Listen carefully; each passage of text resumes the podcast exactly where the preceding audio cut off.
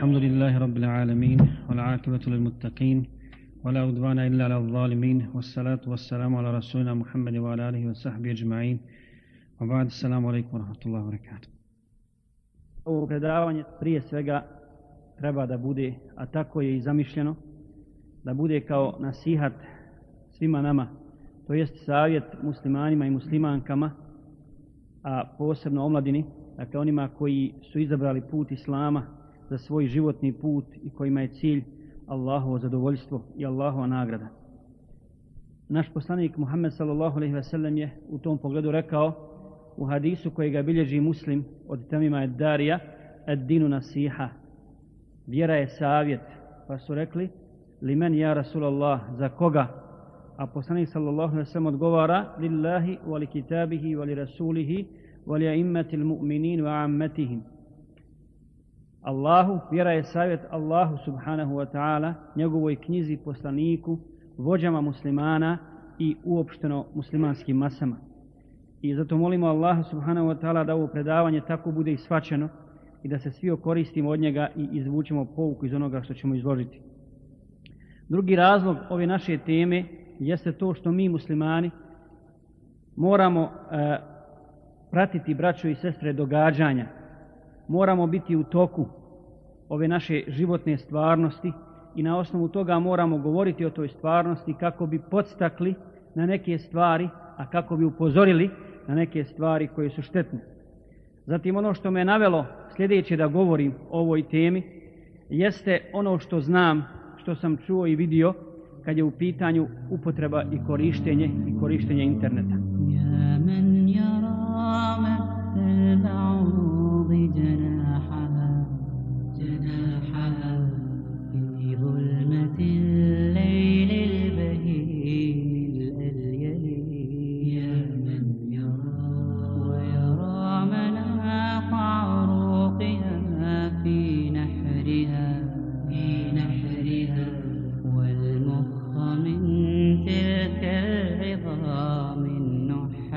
Svakako, ja večeras želim inšala da spomenem i dobre i loše stvari ove pojave. Kako bismo ono što je dobro svi uzeli, inša Allah, i okoristili se time i mi i muslimani ostali, a kako bismo upozorili na štetne stvari i odbacili U tom smislu spomenut ćemo hadis, odnosno predaju od Hudejfija radijallahu ta'ala an, koji kaže, ljudi su pitali poslanika sallallahu alaihi ve sellem o dobru, a ja sam ga pitao o zlu, bojeći se da me to, da me to zlo ne stigne. Jer onaj ko ne poznaje i ne zna razlikovati dobro od zla, lahko, lahko može upasti u zlo.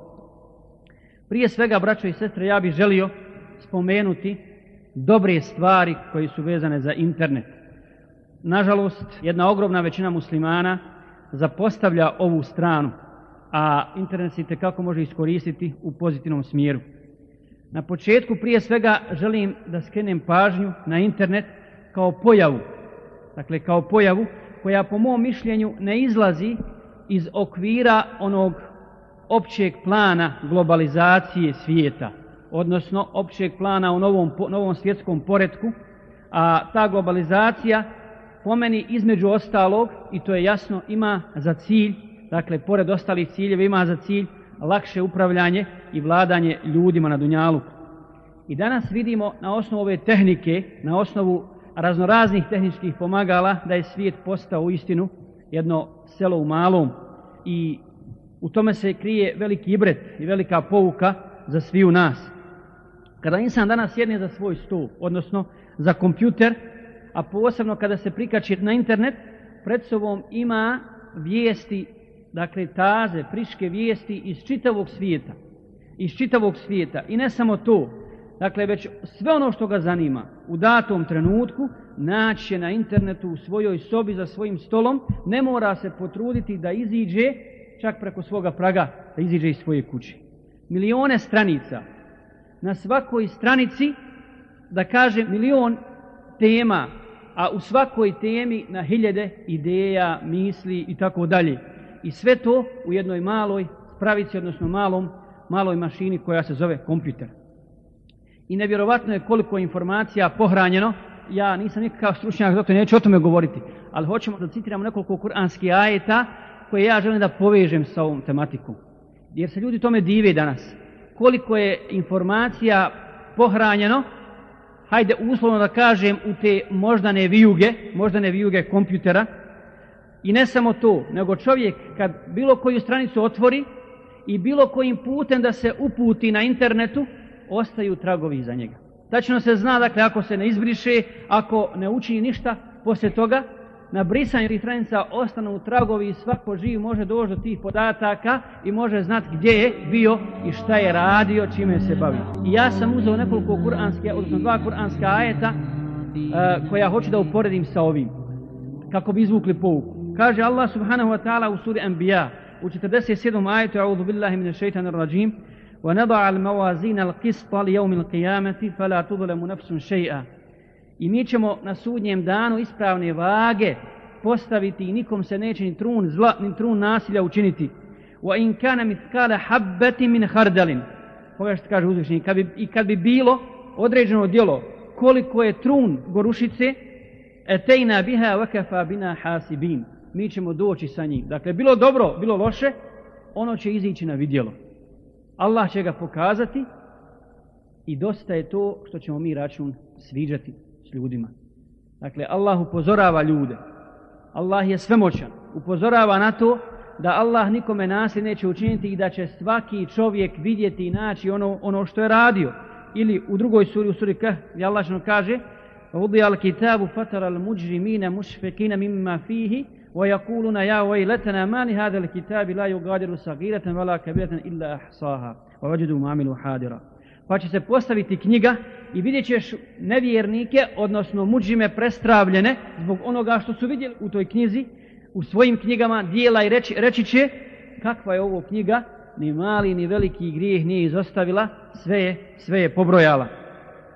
Pa kad se ljudi, braćo i sestre, čude toj tehnici i napretku nauke jednom kompjuteru koji je čovjek napravio, dakle koji je ljudska ruka napravila, kako ona da se ne čude i ne dive Allahovoj svemoći, Allahovom sveznanju, onome koji upravlja svim svjetovima i koji je obaviješten o svemu od dana kada je stvorio nebesa i zemlju, pa dok ih ponovo ne uništi i prah ne pretvori, kako kaže uzvišeni, dakle o svemu je obaviješten, kako kaže uzvišeni u suri An'am, أعوذ بالله من الشيطان الرجيم وعنده مفاتيح الغيب لا يعلمها إلا هو I u njega su ključevi svih tajni, dakle svog čitavog gajba, samo ih on zna.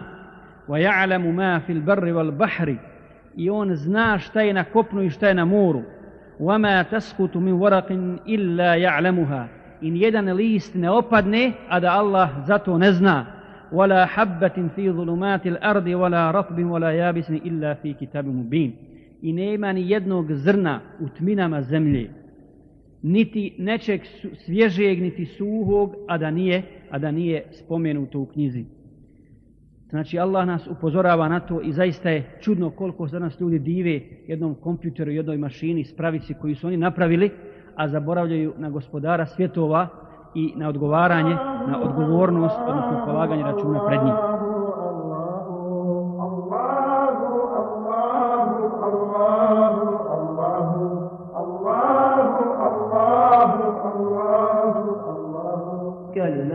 شريفي علاك صلاة أنت الذي سجدت له I internet se, braćo i sestre, može dobro iskoristiti kao poligon za davu, kao poligon za naređivanje dobra, a odvraćanje od zla, čak kao poligon za džihad. Zatim kao znanstveni poligon, a tu se najmanje koristi, kako ćemo vidjeti. Ljudi koji posjeduju kompjuter, dakle kao pojedinci u svojim kućama, a posebno oni koji imaju internet klubove, internet kafiće, kako i, kako i danas popularno zovu, mogu biti muđahidi i daje preko interneta.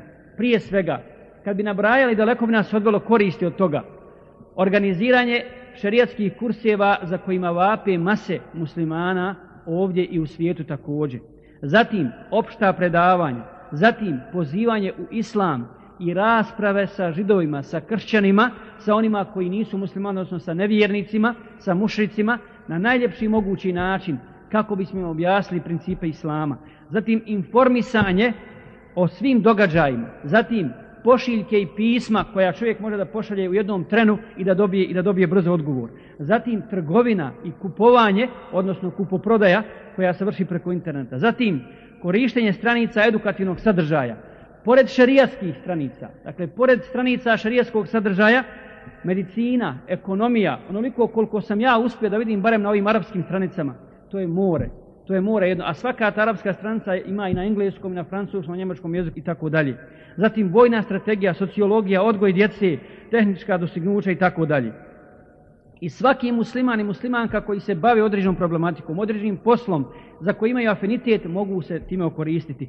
Naravno, ja nisam od onih koji smatraju, dakle, ne smatram sebe i nisam od onih koji smatraju da se preko interneta može završiti medicina. Nikad sebi ne bi dozvolio da, da dođem do ruku doktora koji je završio preko interneta medicinu pa da me on operiše. Zatim, onima koji znaju arapski, engleski e, ili njemački jezik, ja u ime Allaha Đelešanuhu, govoreći o ovim pozitivnim stvarima za internet, želim spomenuti stranice kao što su stranica aradadi.com, dakle sa dva d, raddadi.com, zatim harf kom, zatim sultan.org, zatim Islam Today.net od šeha Salman Auda, zatim Islam Y, dakle to je nekoliko tih stranica koje ja najčešće posjećujem i u kojima u jednu ruku, kratko rečeno, ima svašta. Zatim, što se tiče neređivanja dobra zavrivanja od zla, braćo i sestre, tu se može dosta poraditi, a posebno oni koji znaju ove hakerske poslove, ove hakerske poslove umjesto da ulaze, umjesto da ulaze u stranice, odnosno e-mailove braće i sestara, muslimana i muslimanki, što predstavlja veliki grije, bolje bi im bilo da kad naiđu na pornografsku stranicu, da kad naiđu na neke stranice na kojima se ismijava islam i muslimani, kao što sam ja naišao na neke hrvatske stranice, preko onog gogle pretraživača na, na onoj hrvatskoj stranici, a vi ćete sigurno svi naići na to, gdje pišu o islamu na najružniji mogući način, da to sruše, da to unište ako mogu, jer je to dobro djelo, kako kaže Rasul sallallahu alaihi ve sellem, men rea minkum munkeran fel yugayiru bi jedi. Onaj od vas ko vidi munker, neka ga uništi rukom. Fa illam yastati fa bi lisani. A ako ne može, rukom onda jezikom. Fa illam yastati fa bi kalbi, fa zalika ad'afu al-iman. A ako ne može rukom, onda srcem, prezirom srca, to je najslabiji vid imana. Mi znamo kako su braćo i sestre neprijatelji Islama, ako se sjećate, uništili stranicu Kaukaz. Kada? Onda kada su braća muslimani, čečeni, muđahidi vodili najžešće borbe protiv Rusa. Tada je uništena ta stranica. Znamo kako su uništili, odnosno zabranili džeziru u toku američkih napada na Afganistan i tako dalje. Dakle, nažalost, o korisnim stvarima muslimani danas jako malo vode računa i rijetki su slučajevi, odnosno rijetki su pojedinci oni koji se suprostavljaju zlu šerijatski dozvoljenim sredstvima i koji ulažu maksimum svoga truda i energije u promicanju istine Islama za kojim, za kojim ljudska srca teže i žude poput žednog koji žudi za vodom. A što se tiče štete, vraću se, i loših posljedica interneta, ja bih se usudio ovdje citirati kuranski ajet vezan za alkohol i Allah Đelešanuhu kaže jes'alunake anil hamri wal mejsir. Pitaju te o vinu i opojnim pićima, kul fihima ithmun kabir wa manafi'u lin nas. Pa kaže uzvišni reci u njima je veliki grijeh, a i neka kori za ljude. Wa ithmuhuma akbaru min naf'ihima. Ali je šteta veća, veća od koristi. Možda je ovo presmjelo, ali na osnovu moga iskustva ja mislim da je tako kad je u pitanju internet. I vjerovatno nećemo moći nabrojati sve štete od interneta, kao ni koristi, ali ja bi izabrao da večera spomenemo one najopasnije i najveće štete i najveće grijehe koji se mogu počiniti preko interneta. Prva stvar jeste, braćo i sestre, ostavljanje namaza ili klanjanje namaza u zadnjem vaktu. Zatim, skretanje sa pravog puta i kvarenje ličnosti, kvarenje pojedinca, također i porodici. Zatim, nestanak morala i časti kod muslimana i muslimanki zatim tvrdoća srca, tvrdoća srca zbog raznih grijeha koji se nađu tu, zatim rušenje bračne veze, rušenje bračne veze o čemu ćemo posebno govoriti, zatim promjena težnji ljudskih i aspiracija i ciljeva u potpunosti i ostavljanje dave, ostavljanjem dave, zatim bdijenje noću, a spavanje danju, što je potpuno e, suprotno od onoga što je Allah propisao ljudima, Zatim gubljenje vremena, uzalud i mnoge druge stvari. Kad je u pitanju namaz, ova prva tačka, oni koji mnogo posjećuju internet ili su redovni na internetu u svako doba dana i noći, lahko zakasne na namaz ili ga čak nikako ne klanjaju.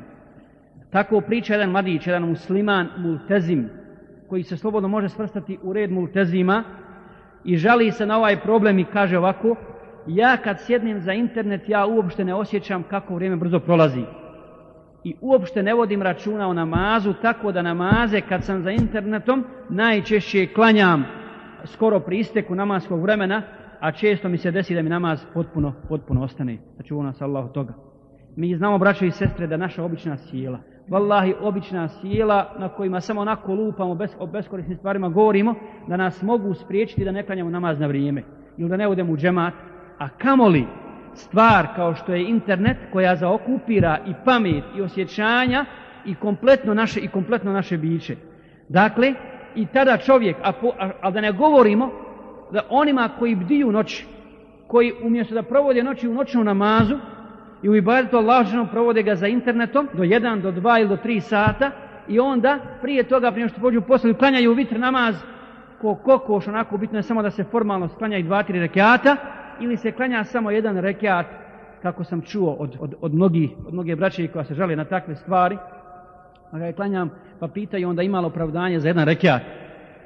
Pa ima za tebe kad si pre, prekoračio sve moguće granice normalna stvar ti šeitan donije to opravdanje.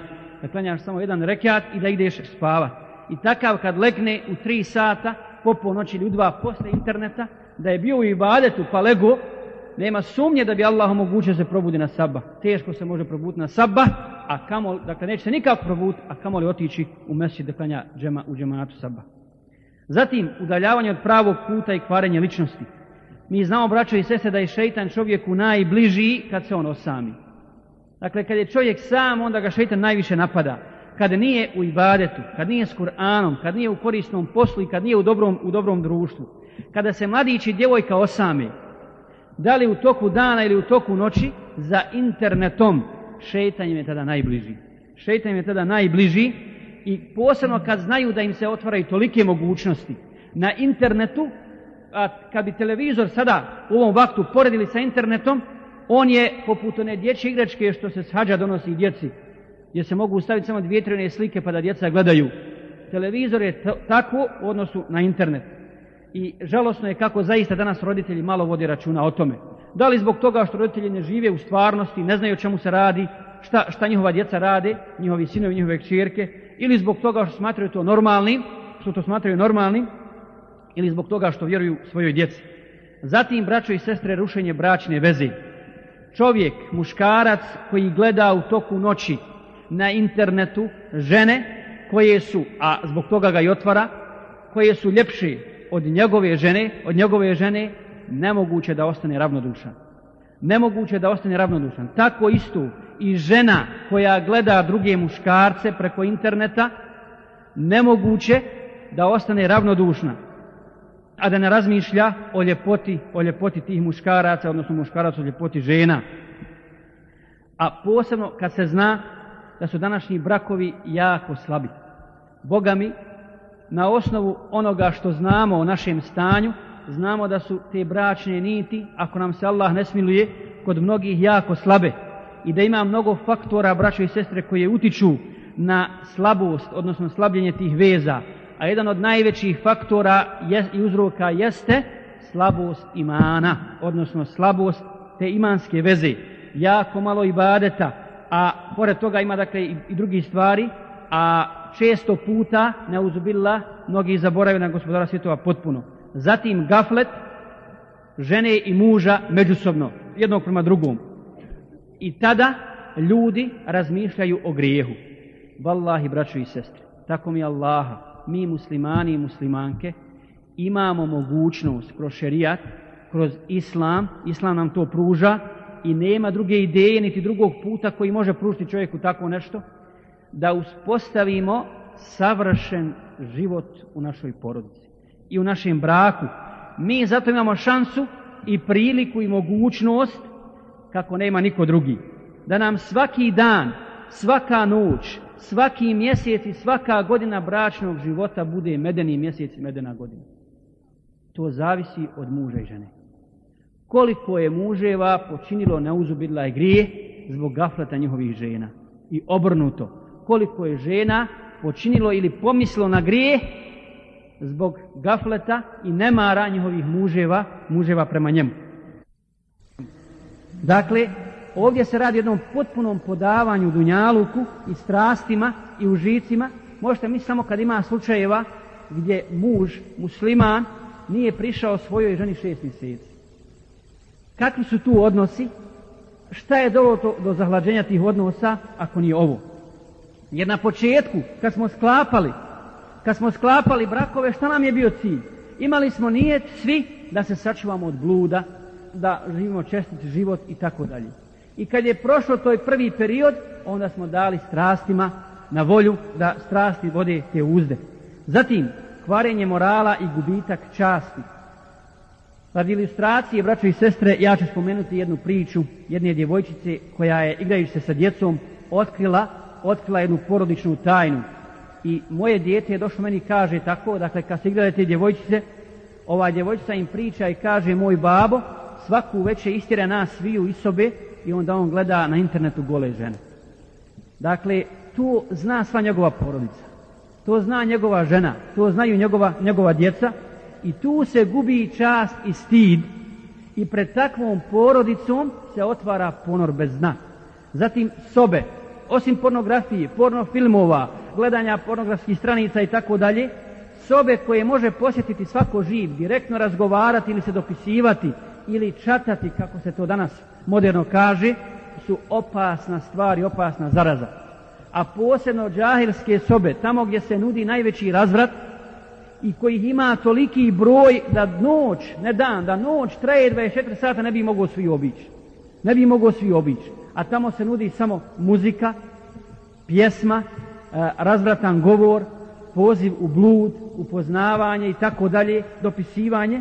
I ako bi danas napravili, ako bi danas napravili anketu u internet klubovima samo, da ne govorimo o privatnim, o privatnim kompjuterima, vidjeli bismo da 90%, da ne kažem više, 90% ljudi posjećuju najviše stranice, pornografske stranice, sa erotskim sadržajem.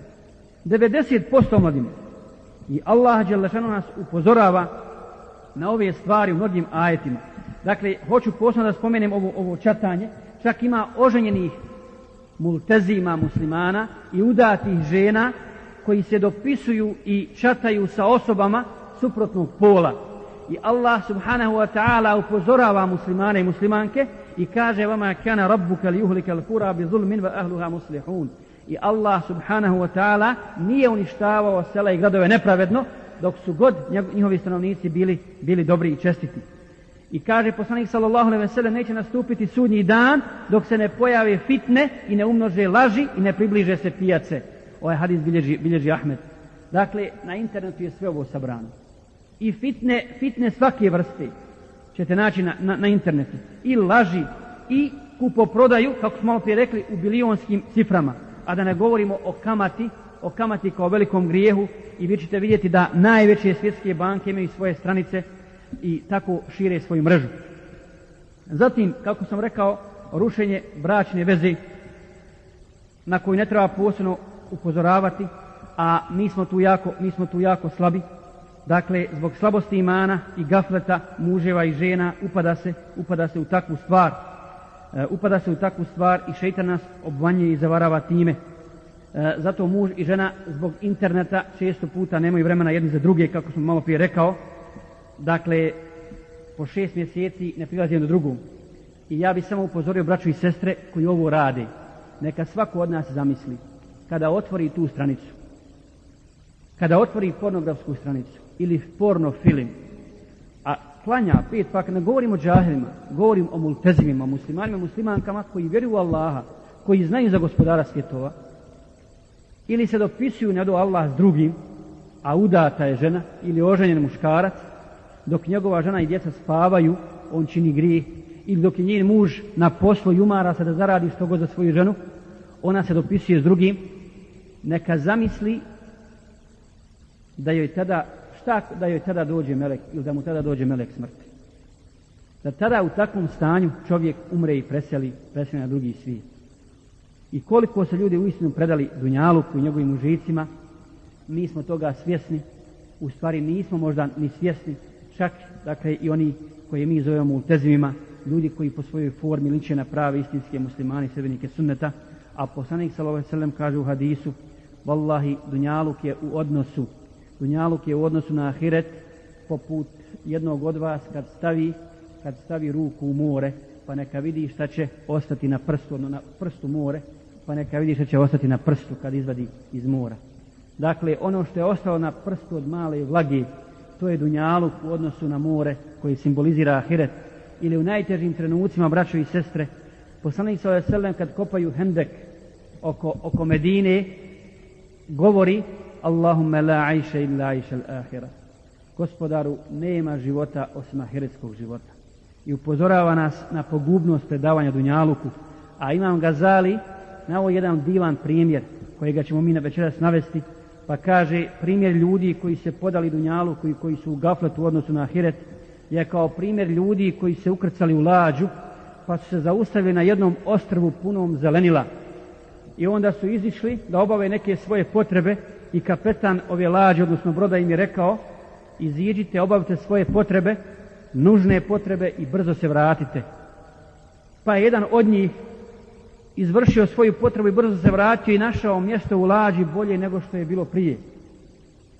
Drugi je se malo zadržao više, malo opčarale ga ove ljepote ovog ostrva, pa je ostao, ali se brzo probudio i trznuo i vratio se, međutim našao je mjesto slabije nego što je bilo prvo mjesto kad je putovao lađu. Treći nije mogao sebi oprostiti, kaže da ne uzme nešto od, to, od tih ljepota, pa je nabrao cvijeća, ubrao raznih plodova i ponio je koliko je mogao. Ponio je koliko je mogao. Pa kad je došao na lađu, kad je došao na lađu, vidio je da skoro nema mjesta, da će biti jako tijesno ako sve to stavi, ako ponese sve to u lađu. Međutim, on nije mogao odoliti da to ne ponese, pa je ponio. Nedugo zatim, ti cvjetovi se osušili, plodovi su uvenuli, vjetar je zaduvao i on je da bi spasio svoj goli život morao sve to, sve to da baci što je sakupio.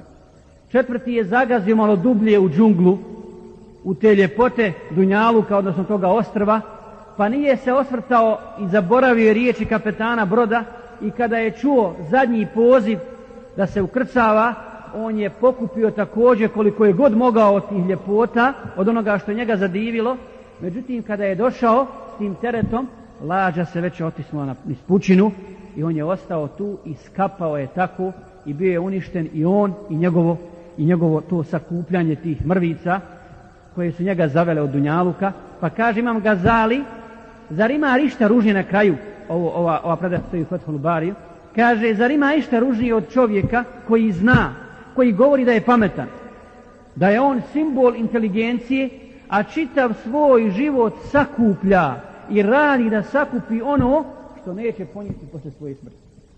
Neće ništa od toga ponijeti. Dakle, ne mislimo ovdje na, na to da ne treba raditi, nego na one koji su odali dunjalu, koji predali mu se, predali mu se u potpunosti zaboravišne gospodara svjetova. Zatim, promjena težnje u potpunosti kod ovakvih ljudi, koji su se predali, predali dakle internetu. I ostavljanje dave, dave na sunnetski način, da tako kažemo, braćo i sestre. Šta hoću da kažem? Kada čovjeka zvede dunjaluk na ovakav način, i dunjalučki užici, kada im se preda, onda se njegove težnje mijenjaju. On više nije od onih koji ima uzvišene težnje, koji, koji razmišlja i danju i noću, kako će da učiniti, kako će prenijeti islam, kako će se ljudi okoristiti njegovim znanjima koga ima, ili kako će steći znanje. On nije od onih koji ljubomorno čuvaju Allahove granice, već postaje od onih koji traže olakšice u vjeri kao što je to danas. Traže olakšice u vjeri kao da je vjera teška kao da je vjera teška. Ili filozofiraju o raznim pitanjima. I danas, danas su jako aktuelna ova pitanja, a neka me neko demantuje ako nije istina ovo što ja kažem. Ponovo je najaktuelnije pitanje nikaba. Zbog situacije u kojoj mi živimo. Je li on vađiv ili nije. I većina bi možda voljela da dokazi nisu na strani onih koji kažu da je vađiv. Zatim, je li gledanje muškaraca od strane žena osnova u šerijatu ili nije? Jer znamo da je osnova ugledanje žena zabra, za, onaj, zabrana. A je li ovdje dozvola ili nije? Kao da ne znaju za kuranski ajed i sure Nur da jednako se Allah obraća i muškarcima i ženama da obore, da obore svoje poglede. Da obore svoje poglede, dakle i muškarci i žene. Ako je osnova u gledanju, onda ne bi, ne bi imao smisla ovaj ajed. A druga je stvar što je žensko tijelo, odnosno žena kao takva, sva auret, dakle stidna, čak i njeno lice, a što je kod muškarca, što muškarca njegovo lice nije avret, ali za žene je i te kako fitne i kako će onda biti osnova da se može, da se može gledati. Zatim, sljedeće pitanje, da li žena treba u istinu da služi svoga muža u kući? Jer to u šerijatu, u opisu njenog posla po šerijatu nije nigdje napisano. Nema nigdje tamo da treba da mu kuha ručak, da mu pere veš i tako dalje. Nego je osnova ono, ono drugo treba boraviti u kući, treba čuvati njegovu čast i tako dalje. I o tome se priča, prepričava po, po našim sjelima. Pogledajte, subhanallah, ako čak i nije to, ako i ne stoji, ako i ne stoji da je u opisu, odnosno njenih obavezna prema mužu, da treba da mu, da mu pere veš, da, da mu priprema hranu i tako dalje, zar to nije od dobročinstva? I ne samo to, Islam priznaje običaj, ako je kod nas običaj da to žena radi, a neka, neko se to sa šarijatom, onda taj običaj postaje obaveza taj običaj postaje obaveza. I žena neće razmišljati na takav način, nego bitno je samo da se nađe nešto, da ona umjesto da se raspravlja o čestitosti, o, o imanu, o vjeri, o davi, na koju, koju čafri svaki dan sve više napadaju, mi pričamo o ovim stvarima. I gdje je tu onda ljubomora za vjeru? A kjafri polako gase svaki dan jednu po jednu humanitarnu organizaciju, odnosno davetsku, znaju oni da to nije samo humanitarna organizacija, nego davetska prije svega, zatvoraju, ubijaju, proganjaju, a mi se međusobno gložimo oko onih najsitnijih mesela i pitanja koja toliko ne utiču, ne utiču na naš život, odnosno neće promijeniti ni njihov odnos čafetski prema nama. Zatim, braćo i sestre, gubljenje vremena. Mnogo je onih koji provode dva, tri ili čak pet sati pored interneta. Gleda se samo gdje će se utrošiti vrijeme. Kao da imamo vremena na pretek. A šta kaže poslanik sallallahu alaihi ve sellem? U hadisu koji bilježi Buhari, ni'metani magbunun fihima kathiru minan nas dvije su blagodati zbog koji su obmanuti većina ljudi. Koji su to blagodati? As-sihatu al-firag. Zdravlje i slobodno vrijeme. Dakle, dok je čovjek mlad, dok je zdrav, tada je ibadet najslađiji. To je Allahu najdraži ibadet. Da čovjek iskoristi svoju mladost, svoj život u učenju Islama, u korisnom poslu i tako dalje. I slobodno vrijeme. I ovo dvoje je čovječe glavnica tvoga imetka. I onda gleda gdje ćeš taj imetak umnožiti i s kim će sklopiti trgovinu sa Allahom subhanahu wa ta'ala ili, ili sa šeitanom lanetullahi alaih. A odgovornost na sudnjem danu znamo kolika je za, za zdravlje, za mladost, za imetak, za znanje koje je čovjek imao, a nije ga iskoristio onako kako treba. Spomenut ću jedan slučaj učenjaka jednog kad je naišao pa vidio omladinu kako besposličari troši onako vrijeme pa je uzdahnuo i rekao eh, da se vrijeme može kupiti pa da ja kupim od vas vrijeme. Pa da ja kupim vaše vrijeme koje vi onako uzalud trošite i tračate, a meni toliko fali. Meni toliko fali tog vremena za moj posao koji ja radim ima Allaha Đelešanu.